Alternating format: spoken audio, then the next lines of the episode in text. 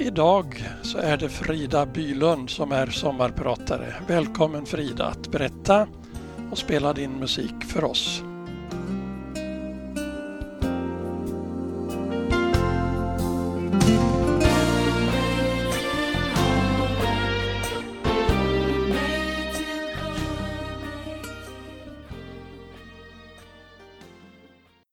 Hejsan alla därute! Eh, ni lyssnar på Frida Bylund idag och ehm, jag är en höggravid mjölkbonde från Myckel i Ensjö. Jag tänkte idag bara prata om mig själv egentligen, hur jag från att absolut inte vilja bli bonde och absolut inte vilja ha några barn sitta här med 120 mjölkkor och ja, när som helst kläcka ur med ett litet, litet, litet barn. Um, jag föddes i Myckelense för sådär 28 år sedan. Och uh, mina föräldrar är då mjölkbönder. Och uh, anledningen till varför jag absolut inte ville vara mjölkbonde det är för att de aldrig någonsin var hemma och det var alltid några djur som smet. Och det var jämt och ständigt att man skulle behöva vänta när man skulle åka till slalombacken på att de skulle göra klart någon lagård. Och det där var pest och pina när man var liten kan jag säga. Däremot så blir man ju faktiskt äldre. Det är ganska tur det om jag ska vara helt ärlig. Och saker och ting förändras. Men när jag var liten så var det ofta så att min mamma spelade väldigt, väldigt mycket musik hemma. Och det roliga med det är att den enda låt som jag någonsin kom ihåg att hon spelade det var Björn Afzelius och Hjärtat kan gå i tusen bitar. Så den tänkte jag spela för er idag. Den första låt som jag faktiskt någonsin kom ihåg. Och sen så tänker jag ta vid med hur det blev och varför det blev.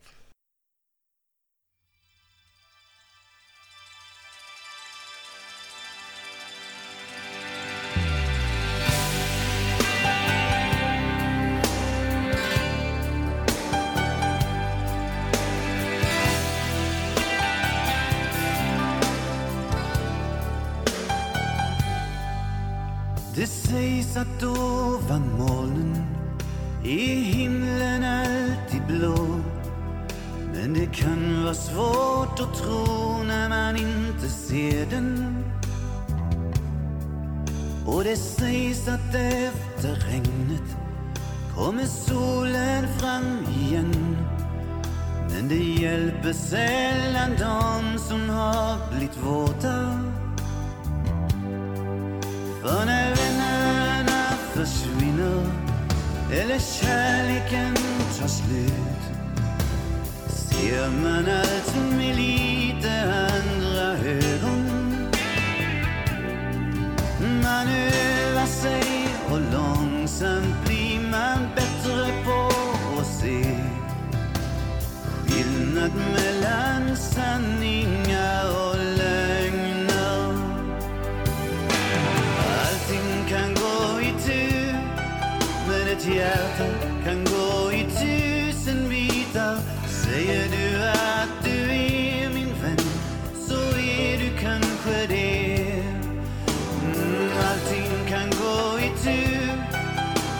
men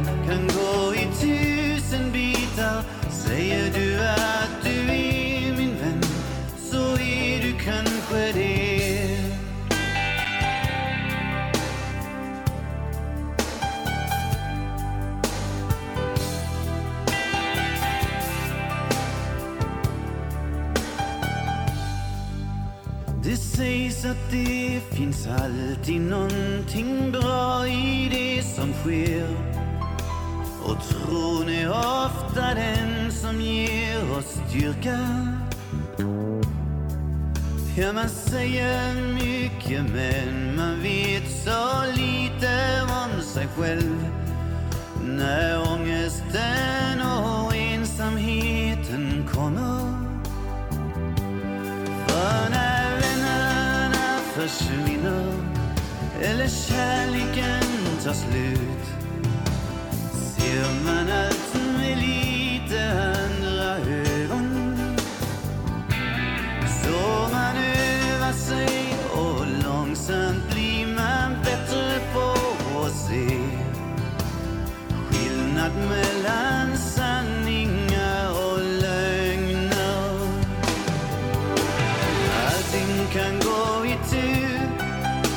Yeah.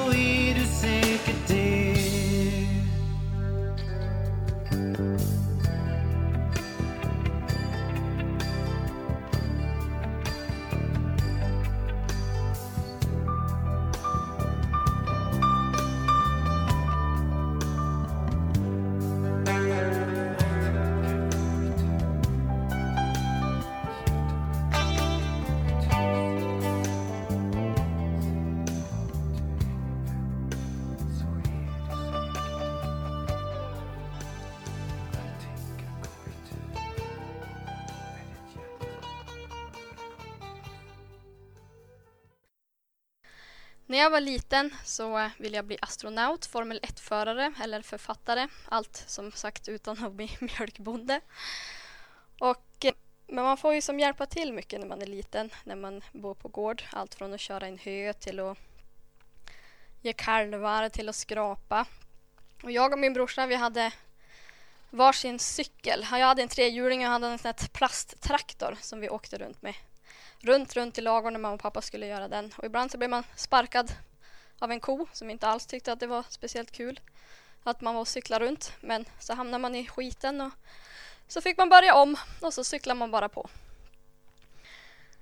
När jag var sådär sju år så ville jag verkligen, verkligen, verkligen ha en ponny. Men mina föräldrar, de sa att jag inte skulle få någon ponny. Så då tänkte jag, nej, då ordnar vi det själv. Så då tog jag helt enkelt och hittade en lämplig kalv som jag tränade och tränade och tränade. Och till slut så hade jag nästan lyckats träna den så pass att det gick att sitta på den. Och det gick att skritta på den och det gick att trava på den. Och det gick jättebra så länge kalven var på bra humör. Däremot när han var på riktigt dåligt humör kan jag säga, då sprang han bara dit han ville. Och så åkte jag i diket. Så när jag var sju och ett halvt då fick jag äntligen en egen ponny. Sen när jag fyllde sådär 16 år, om man bor i Myckelsjärnsjö, om man ska börja gymnasiet, då har man inte så mycket val än att flytta hemifrån, vare sig man vill det eller inte. Antingen så kan man ju flytta in till stan eller och gå på Park eller Nora, eller så kan man göra som jag. Jag valde då att börja på Nordvik istället.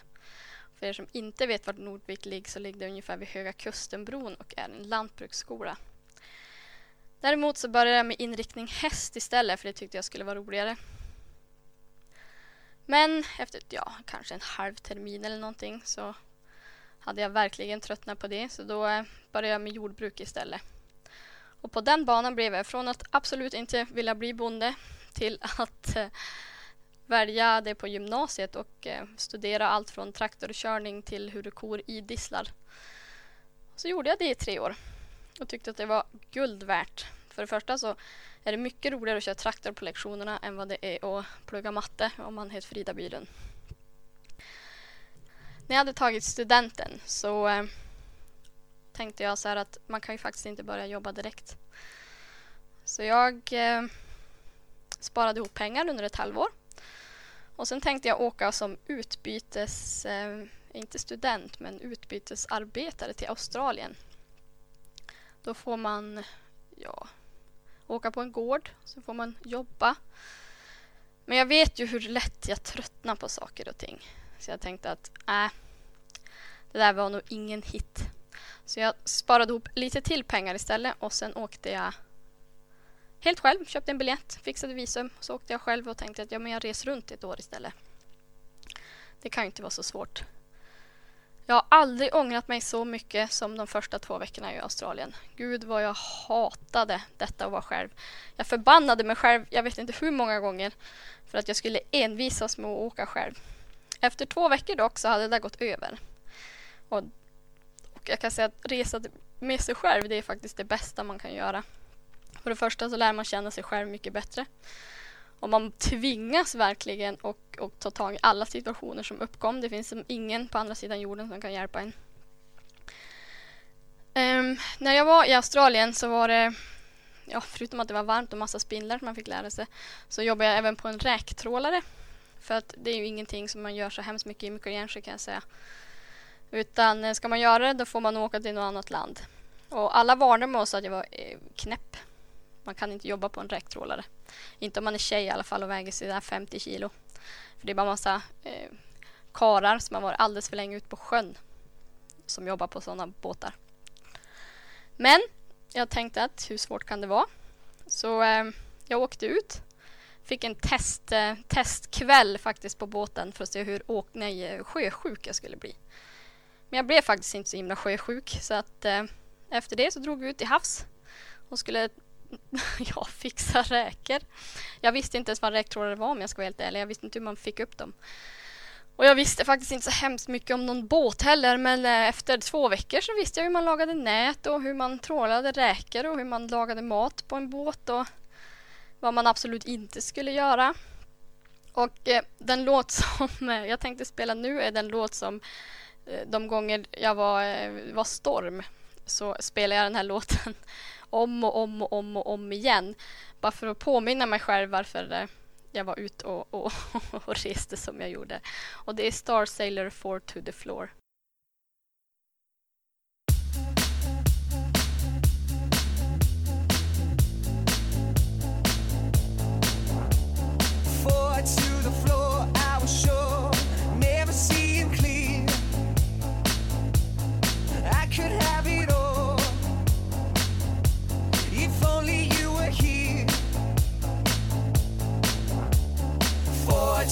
floor, I was sure.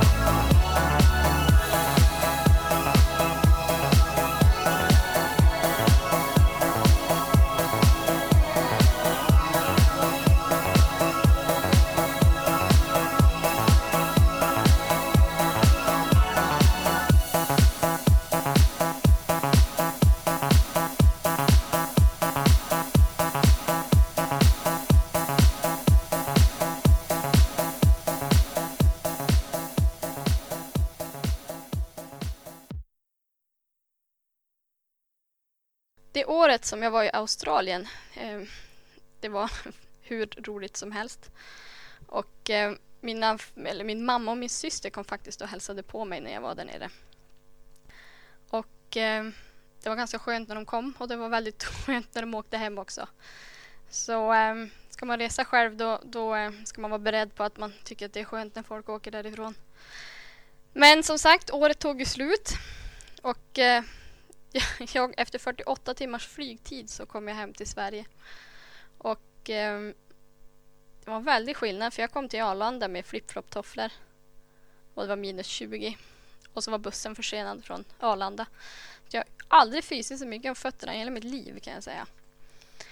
Väl hemma i Mykelgärnsjö så kan jag säga att det var väldigt, väldigt, väldigt skönt att komma hem till sitt eget hus, eller mitt och mitt, men en av min pappas hus som han har stående.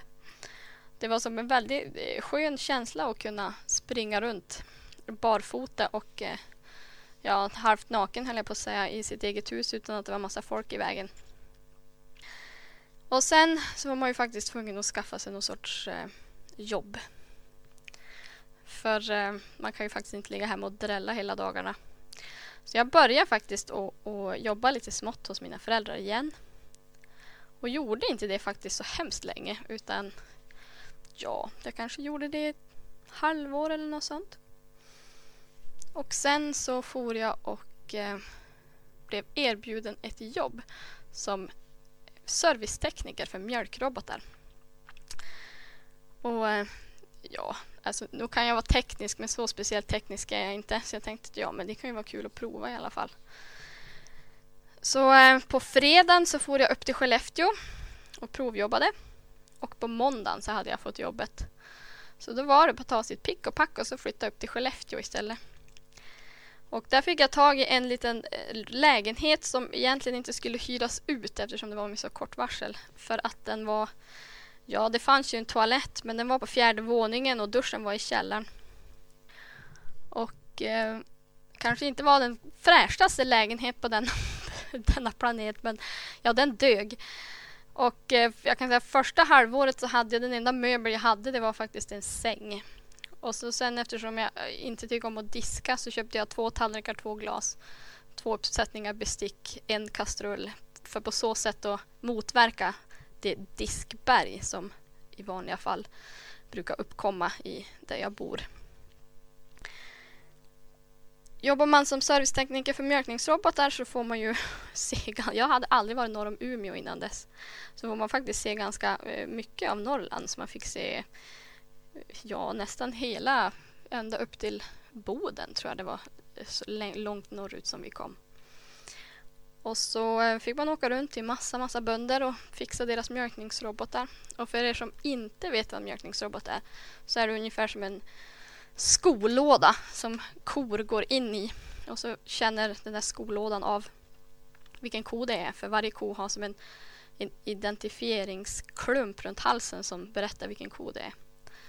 Och de där mjölkningsrobotarna, de, eh, förutom att mjölka kon så ger den mat fram i en liten krubba. Och i den krubban så, eh, ja det är som godis för kossorna. Så det är därför de går dit, inte för att de vill bli mjölkade kan jag säga. Och så sen så läser den där roboten av att det är ko 35 och hon har ungefär spenplacering så här och så här. Och så går han in och så borstar han djuret så att det ser fint och fräscht ut och sen går han in med en laser och läser av vart eh, spenarna är. Och eh, när han har gjort det då sätter han på eh, med spenkoppar, fyra stycken precis som en, de som har sett en vanlig mjölkmaskin. Och sen så läsa, är den som en flödesmätare som känner av då att nu är höger bak kvar, klar. Och då drar han helt enkelt av den spenkoppen och väntar på de andra tre spenarna att, att bli klara. Och sen när det är gjort, då skickar roboten ut, öppnar en grind och så skickar han ut kossan. Så får hon gå och äta eller sova eller vad hon känner för att göra. Eh, jag höll på med det jobbet nästan i, ja, i några år. Däremot så flyttade jag från Skellefteå och bytte område och flyttade ner till Sundsvall efter något år. Och det var faktiskt inget ont om Skellefteå men jag känner, jag känner mer människor i Sundsvall än vad jag gjorde i Skellefteå. Och eh, bodde där några år. Ända tills eh, 2011 tror jag. 2009 kanske det var. Ja, tiden går så himla fort. Så då dog min bror i en bilolycka. Och min kusin även. De satt i samma bil. Och eh, det blev som, ja, jag vet inte, någon sorts eh, uppvaknande på något vis. Man kände att ska man göra någonting nu så ska man, ja uppenbarligen, han var ju bara 22, 21, 22. Så ska man göra det nu och inte sen. Och Eh, jag höll mig borta från jobbet några veckor. Men eh, sen kände jag att det var, det var dags att både ta, ta tag i jobbet och ta tag i vad man ville göra sen. För att även fast det var roligt att vara servicetekniker så hade man ju varit det i några år och eftersom tiden uppenbarligen inte riktigt går lika fort eller lika sakta som man vill ha den och saker och ting händer inte när man, man vill att de ska hända. Så tänkte jag att nu kanske det, nu kanske det är faktiskt eh, dags att, att byta liv igen. Men den låt som vi spelade på begravningen som är en gammal klassiker höll jag på att säga som de flesta nog har hört. Eh, sången Halleluja. Och den spelades på begravningen och den är, ja, den är helt enkelt väldigt fin. Mm.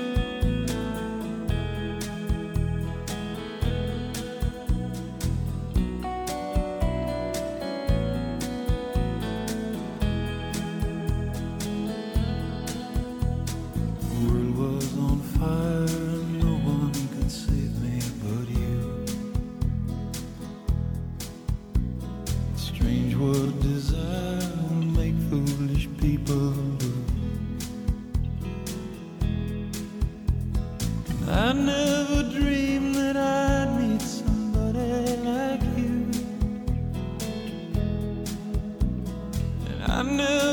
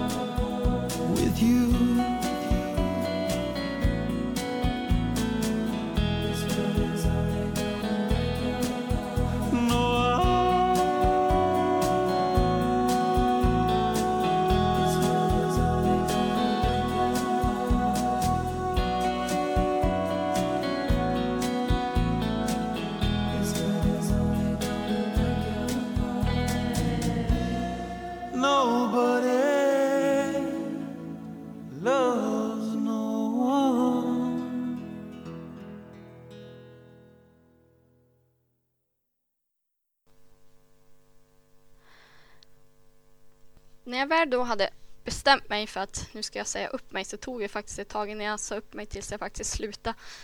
Jag sa upp mig nog kanske i februari och eh, slutade nog inte förrän i juni. Men å andra sidan hade jag sen inte heller tagit ut någon semester på flera år så att jag hade ganska mycket semester att plocka ut och övertid och så. Så att eh, det var ganska skönt att få, få någon sorts långledigt sen. Så jag tog mitt pick och pack och tänkte att nej, nu kanske det är faktiskt dags att bli mjölkbonde på riktigt. Ingen hobbybonde som bara ja, höll på med kor lite här och var. Även fast man höll på med mjölkningsrobotar så är det ju robotarna man höll på med, inte så hemskt mycket kor. Så eh, jag tog mitt pick och pack och eh, styrde kosan hemåt Myckeljärnsjö igen. Parkerade i eh, parkerade på gården och eh, lastade in mina grejer i, eh, på övervåningen i ett rum.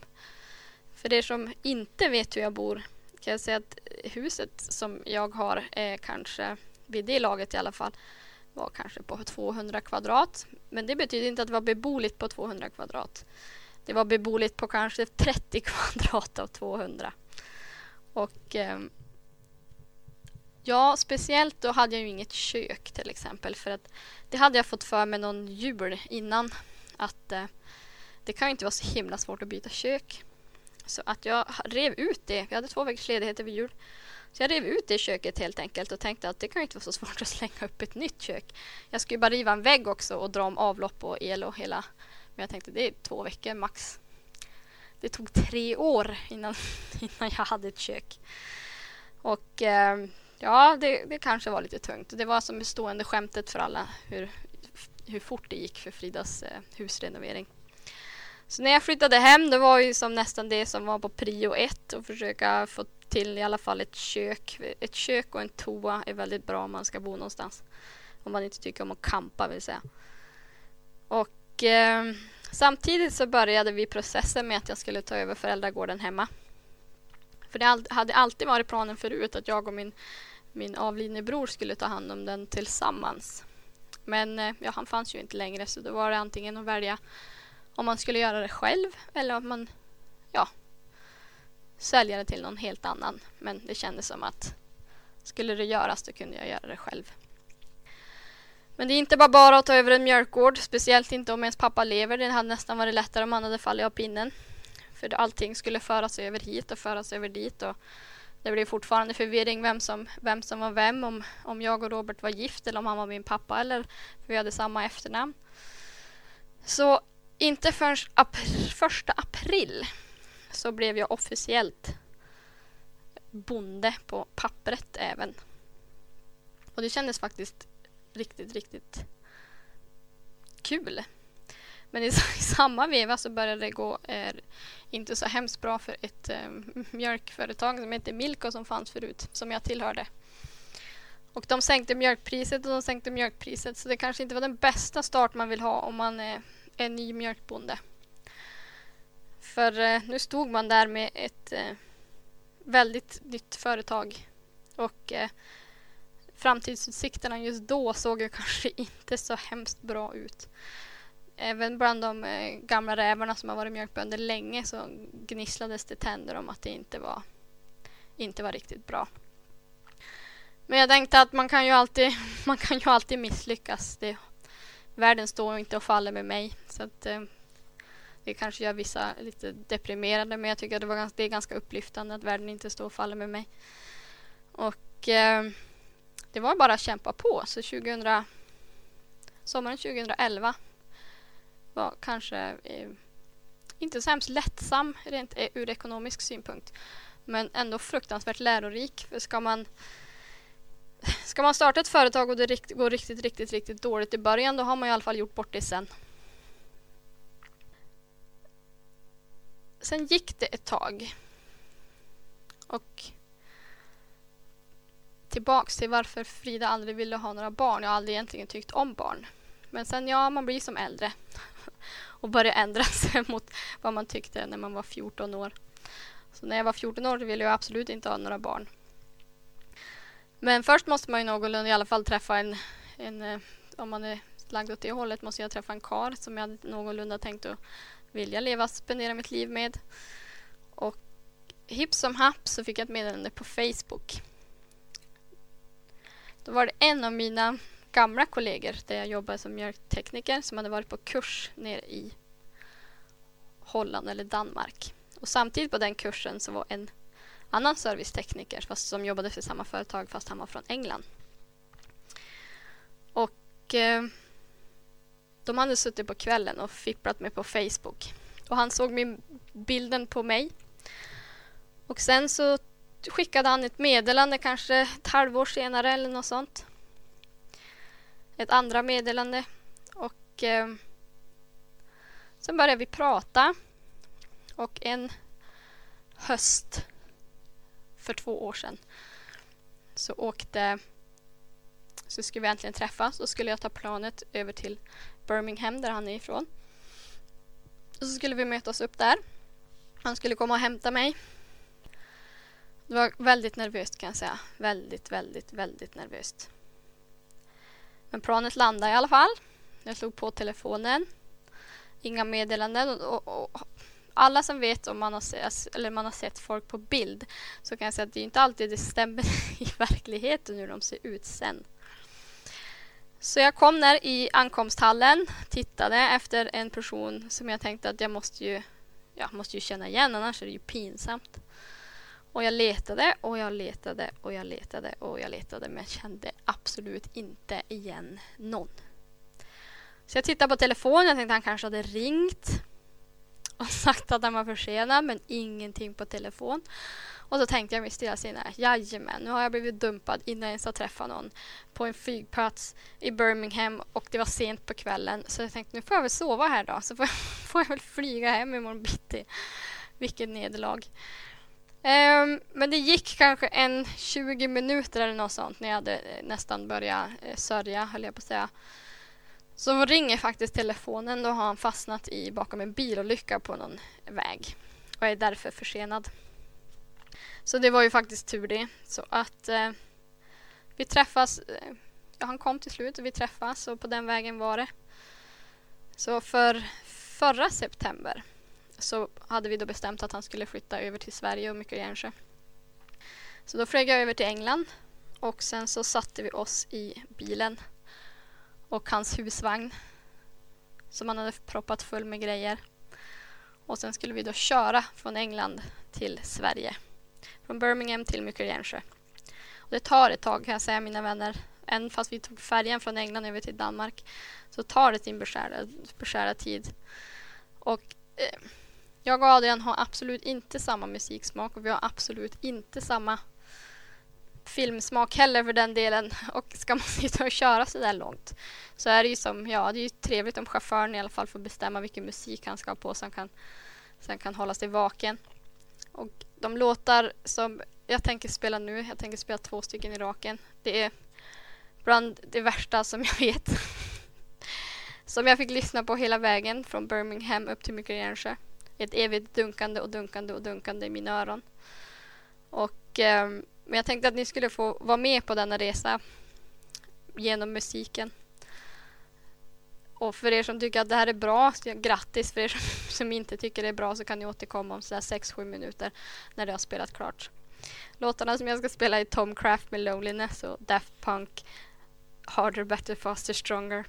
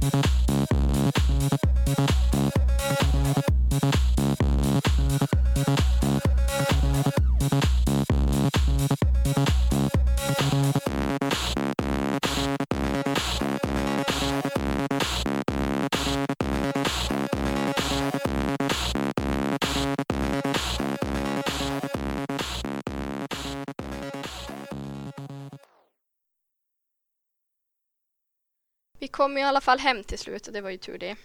Efter mycket om och men.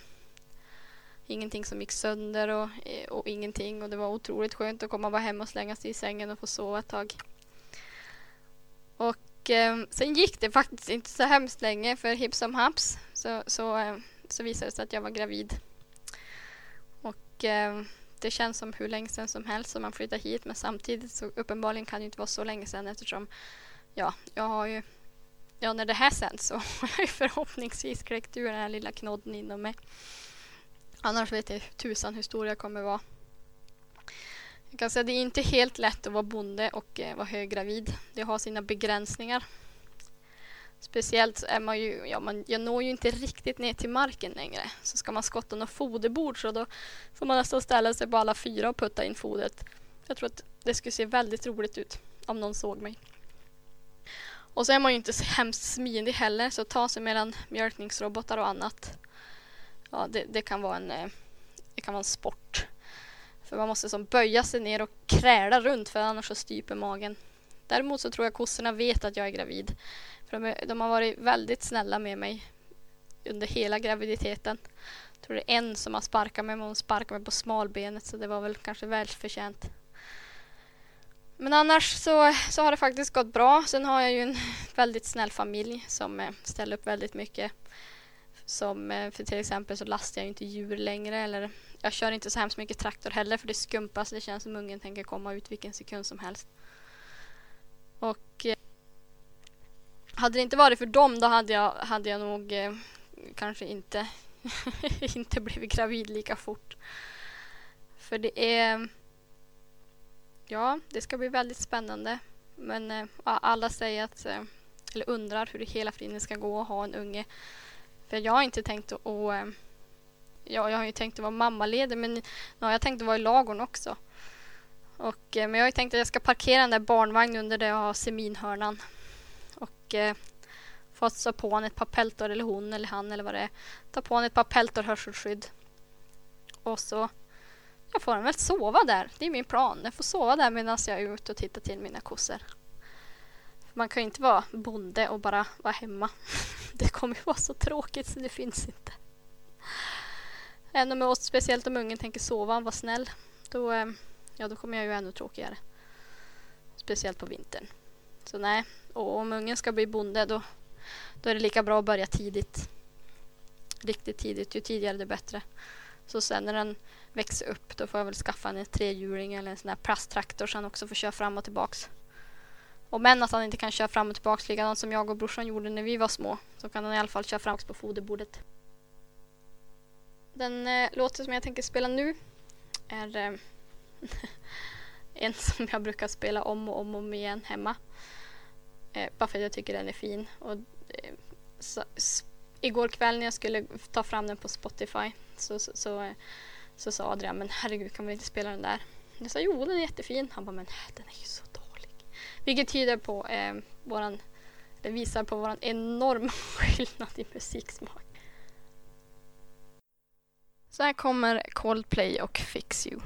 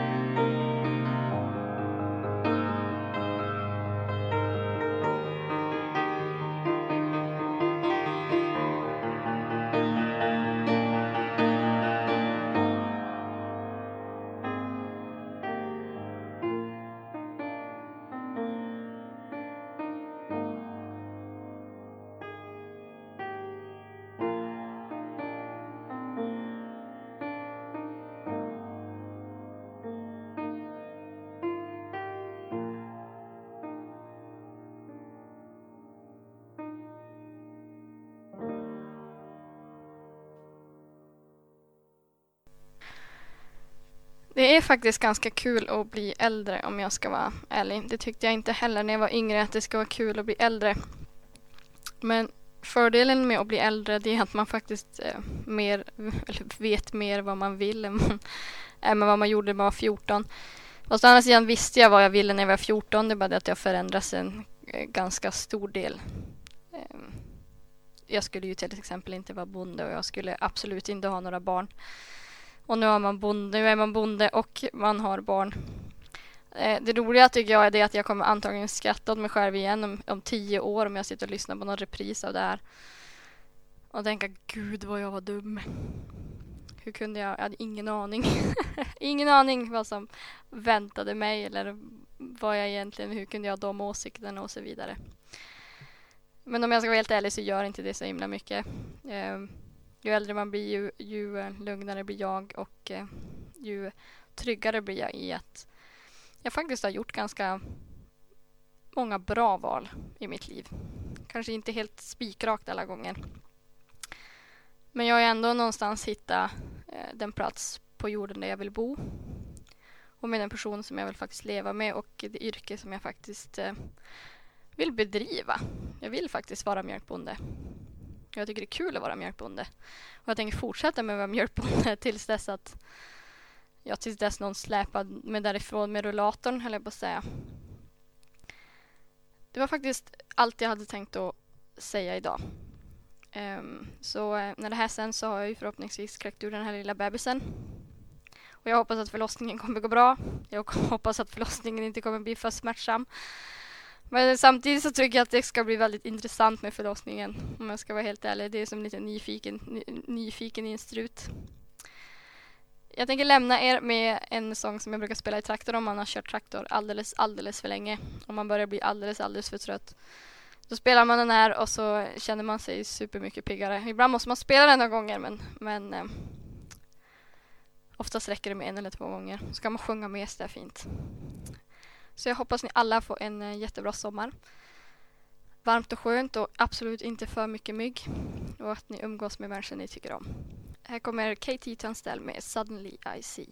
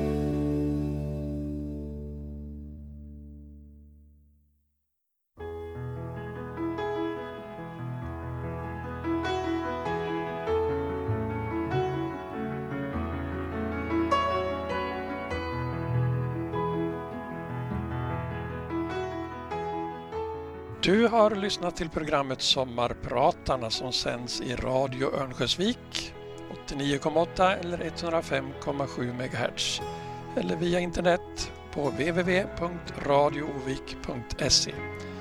Och programmet produceras av Radio Nolaskogs.